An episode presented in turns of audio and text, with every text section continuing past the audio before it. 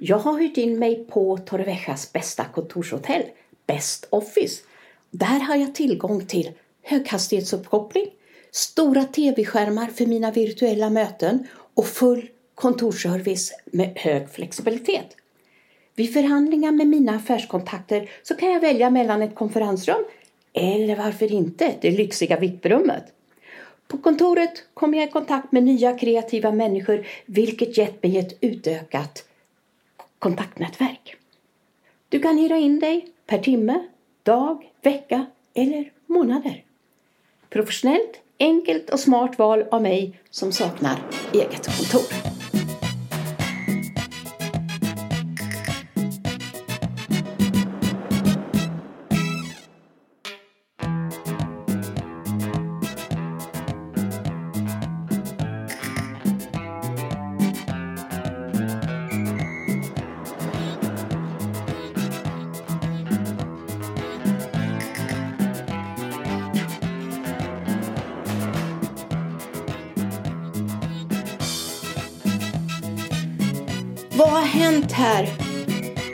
Sista veckan, sista två veckorna i Torrevieja? Det har hänt flera positiva saker och det har hänt en sak som inte har varit så positiv som jag kommer att ta upp. Allt ifrån sol, värme, glädje, kärlek till begravning och livet är här just nu. Det är vad veckans avsnitt handlar om.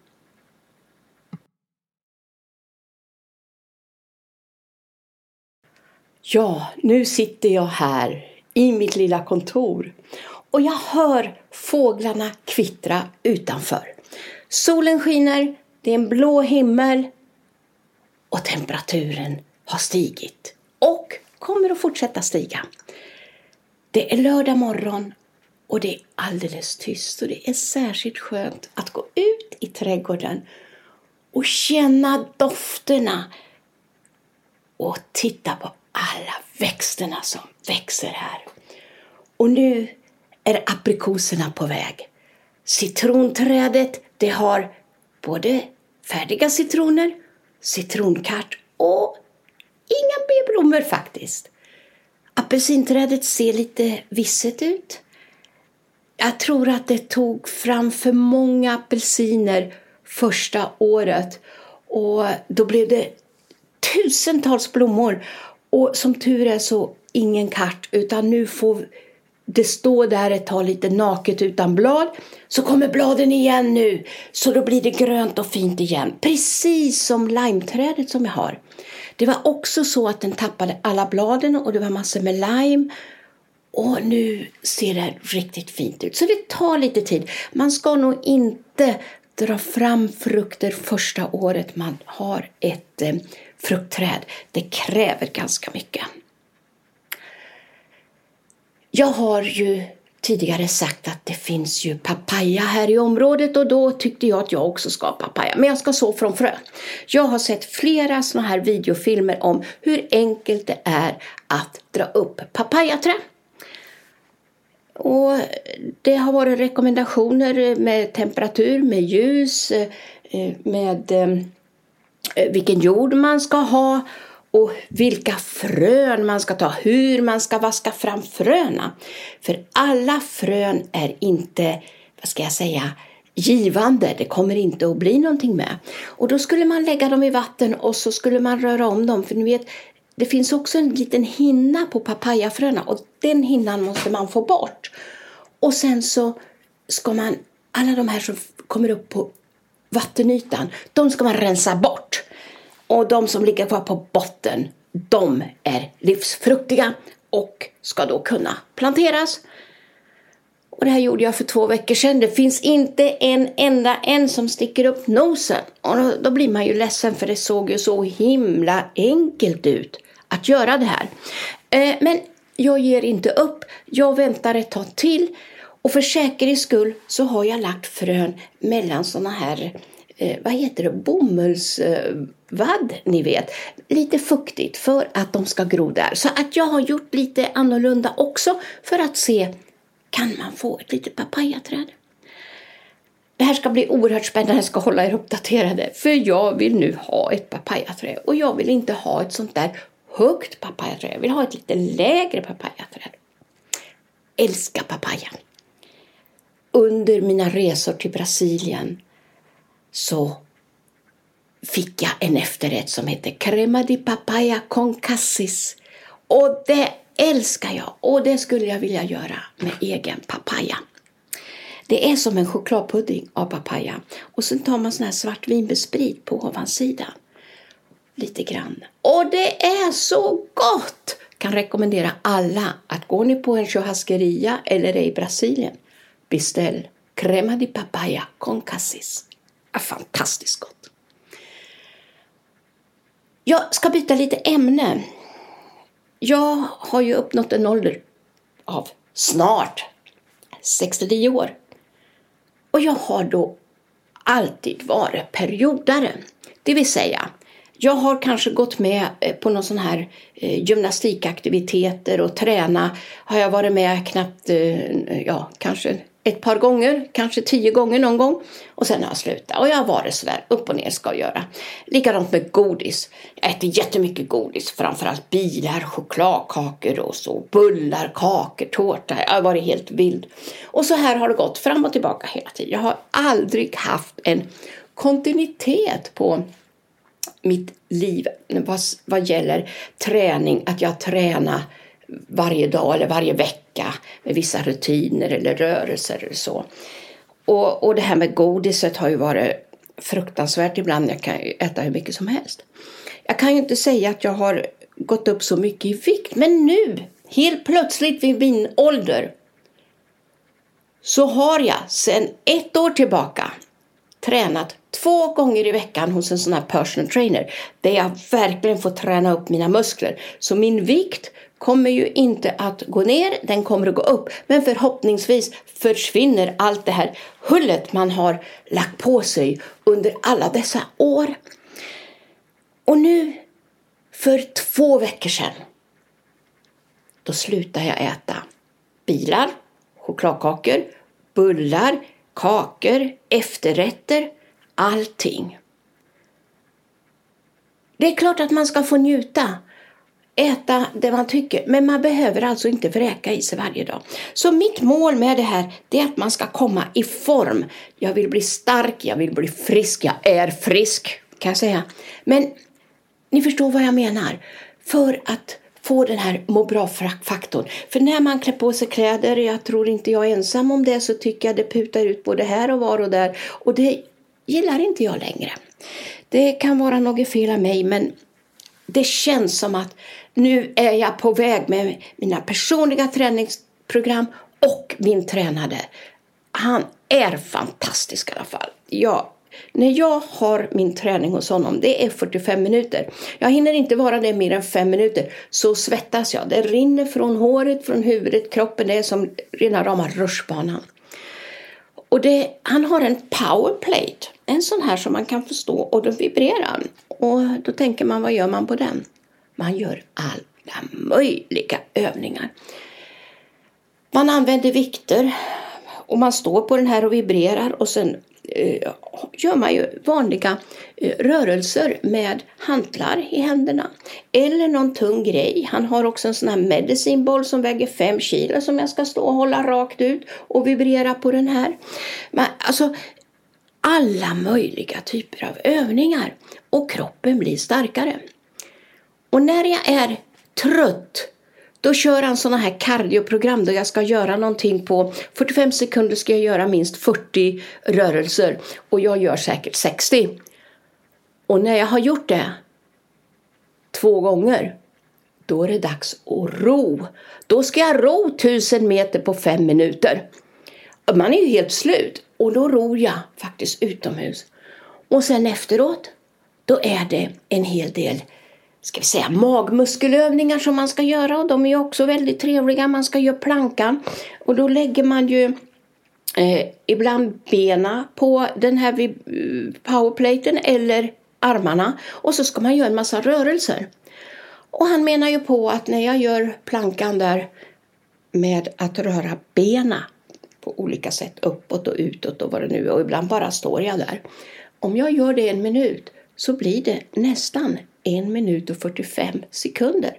Så det ger en högre effekt med de här vibrationerna på plattan. Ja, spännande, spännande har det varit eh, med mitt nya liv. Mycket träning, mindre godisätande och värmen och solen är tillbaka. Den här veckan har varit lite jobbig också känslomässigt. För en och en halv vecka sedan, nästan två veckor sedan faktiskt, så var det en kär vän som valde att lämna jordelivet. Och det här smärtar väldigt mycket. Han var väldigt ung, 52 år. Han är eh, en av Torreviejas framstående personer. Med, med framstående person menar jag han har varit en sån som verkar i bakgrunden och lyfter fram alla andra människor. Ett stort hjärta till att någonting ska ske. Han har varit full av projekt i sitt huvud som han har drivit igenom. Han har haft skandinaviska magasin där vi alla kan skriva artiklar, vi kan göra annonser och det har ökat affärsverksamheten här. För att inte tala om att han var en av de här initiativtagarna till Expo Torrevieja, den stora mässan som gått av stapeln vår och höst här sedan flera år tillbaka. Och där samlades alla möjliga skandinaviska företagare som också har lett till att även spanska, engelska, ja olika nationaliteter har varit med på dessa mässor. Och på så sätt har vi ju fått alla våra affärer att växa här. Och vi har fått kontakt med varandra. Och det är tack vare den här personen som heter Kjetil Hamre.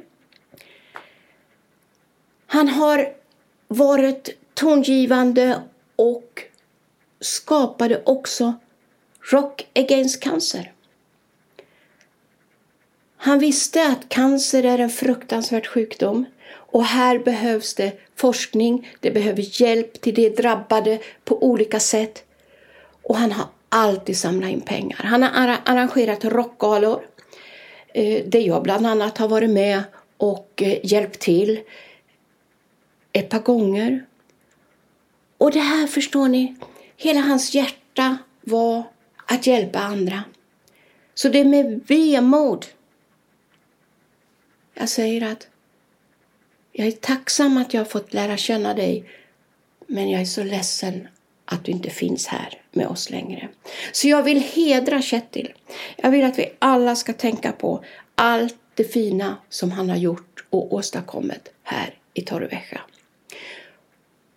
Och nu i torsdags, då var det begravning. Och många nära och kära fanns på plats. Det var i norska sjömanskyrkan här i Torrevieja. Prästen, en kvinnlig präst, var superbra. Hon är fantastisk denna präst. Och vi sjöng salmer och bland annat sjöng vi Blott en dag. Och den är ju svensk med svensk text. Och det var faktiskt så en blandning av svenska, norska, engelska och spanska under denna begravning. Och det var ett par personer som också höll tal, bland annat en god vän och även Kettils arbetsgivare under en lång period som hette Alexander Ottosson. Han höll ett fantastiskt tal där han hedrade Kettil. Där han lyfte upp alla de här projekten, idéerna och hans välmening till alla människor. Och sen var det Rosario, hon är vice borgmästare här i Torrevieja, höll ett väldigt fint tal och lyfte upp honom. Och det ser jag som väldigt positivt. Att kommunen i Torrevieja sände tre representanter. Det var förutom Rosario så var det Gitte. Hon är ett ombud och handhar eh, frågor från utlänningarna här i Torrevieja. Och sen är det en till som medhjälpare till honom som heter Pablo. Så de tre kom och representerade kommunen, vilket jag tyckte var väldigt hedrande. Även om det här hände innan begravningen och vi visste att inte Chet längre fanns. Så när man sitter där på sin stol så kommer allt fram och man, man gråter. Och jag tror det är bra att man får gråta ibland. Jag, jag var helt förstörd. Jag grät. Jag tyckte det var fruktansvärt. Man tänkte på det här. Och ni vet när man sitter så här och tankarna kommer och går om varför man är där, varför man sitter på den här stolen och vad det är man hör och lyssnar på, alla känslor som kommer. Och sen börjar man tänka på sig själv och vad man vill vara vad, sen när man inte längre finns och musik och allting. Så det var mycket tankar och många känslor som kom upp. Och sen när det nästan var över, då fick vi gå fram och lämna våra rosor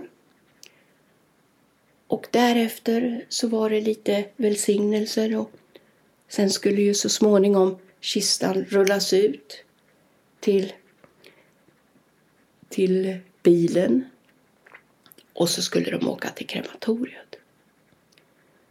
Och det här var fruktansvärt tyckte jag. Det var vackert och det var så fina blommor. Många vackra blomarrangemang. Och alla människorna och vi alla kände samma. Det här var vårt sista farväl. Och det var vackert och det var ledsamt. Men så är det. Ja, nu har jag pratat om det. Det var en tråkig sak, men den är också viktig att berätta. Jag läste en gång när jag var väldigt ung en dikt.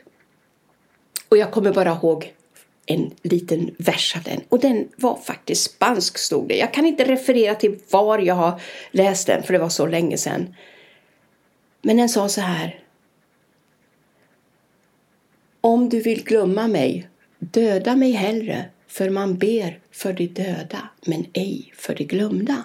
Och då kände jag det här, ja, vi ber för Kjetil, vi kommer aldrig att glömma honom. Inte för att vi var dumma mot honom. Men han kommer alltid att leva här. Så jag vet inte varför den dikten dök upp i mitt huvud. Det, det hade kanske inget med, med begravningen, men den kom upp i mitt huvud. Det är ju så. Man får såna här affektioner eller vad det nu heter ibland och man vet inte hur man ska sortera dem. Hur som helst, vädret är tillbaka och eh, igår kväll eller rättare sagt på eftermiddagen, så var vi på en eh, restaurang, vi kan säga restaurang och bar och skulle lyssna på ett uppträdande och vi skulle äta. Och jag hade ju då tränat på morgonen, ätit väldigt lite frukost och jag kände mig sådär vrålhungrig. Och när vi kom dit vid fyra tiden då hade de redan förberett maten för vi hade redan eh, föranmält att vi skulle komma dit. Och då fick man en halv kyckling och så fick man pommes frites och så coleslaw sallad och lite sånt där. Och jag har väl aldrig i hela mitt liv ätit så fort och så mycket som jag gjorde igår. Det var nästan så jag förvånade mig själv. Men jag var superhungrig. Och sen, jo, vad hände då? Jo, du är ju uppträdande där. Det är en kille och jag vet ju inte vad han heter. Men han var fenomenal på sina instrument. Sen hade han väl också sån här backplay eller vad det nu heter. Men han sjöng också. Och han sjöng allt från skottisk musik till sån här typisk engelsk musik som man har i parader och så. När man hedrar kungahusen kan jag tänka mig. Men även rock. Och eh, han spelar Creedence Clearwater Revivals. Han spelar inte Dire Straits.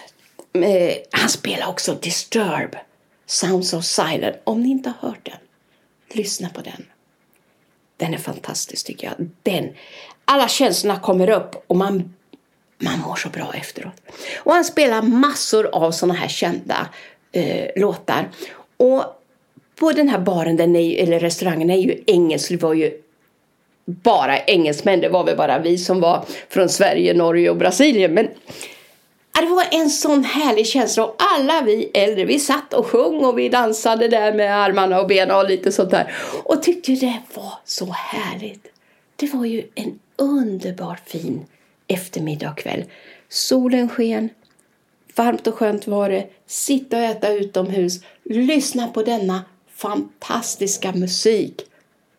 Och då kände man, livet är underbart. Låt oss leva. Låt mig leva här och nu när jag finns här. Och med det säger jag tack och hej från mig så hörs vi nästa vecka igen. Jag är så tacksam för att du lyssnar på min podcast. Ha en härlig kväll. kväll. Ha en härlig helg skulle jag säga.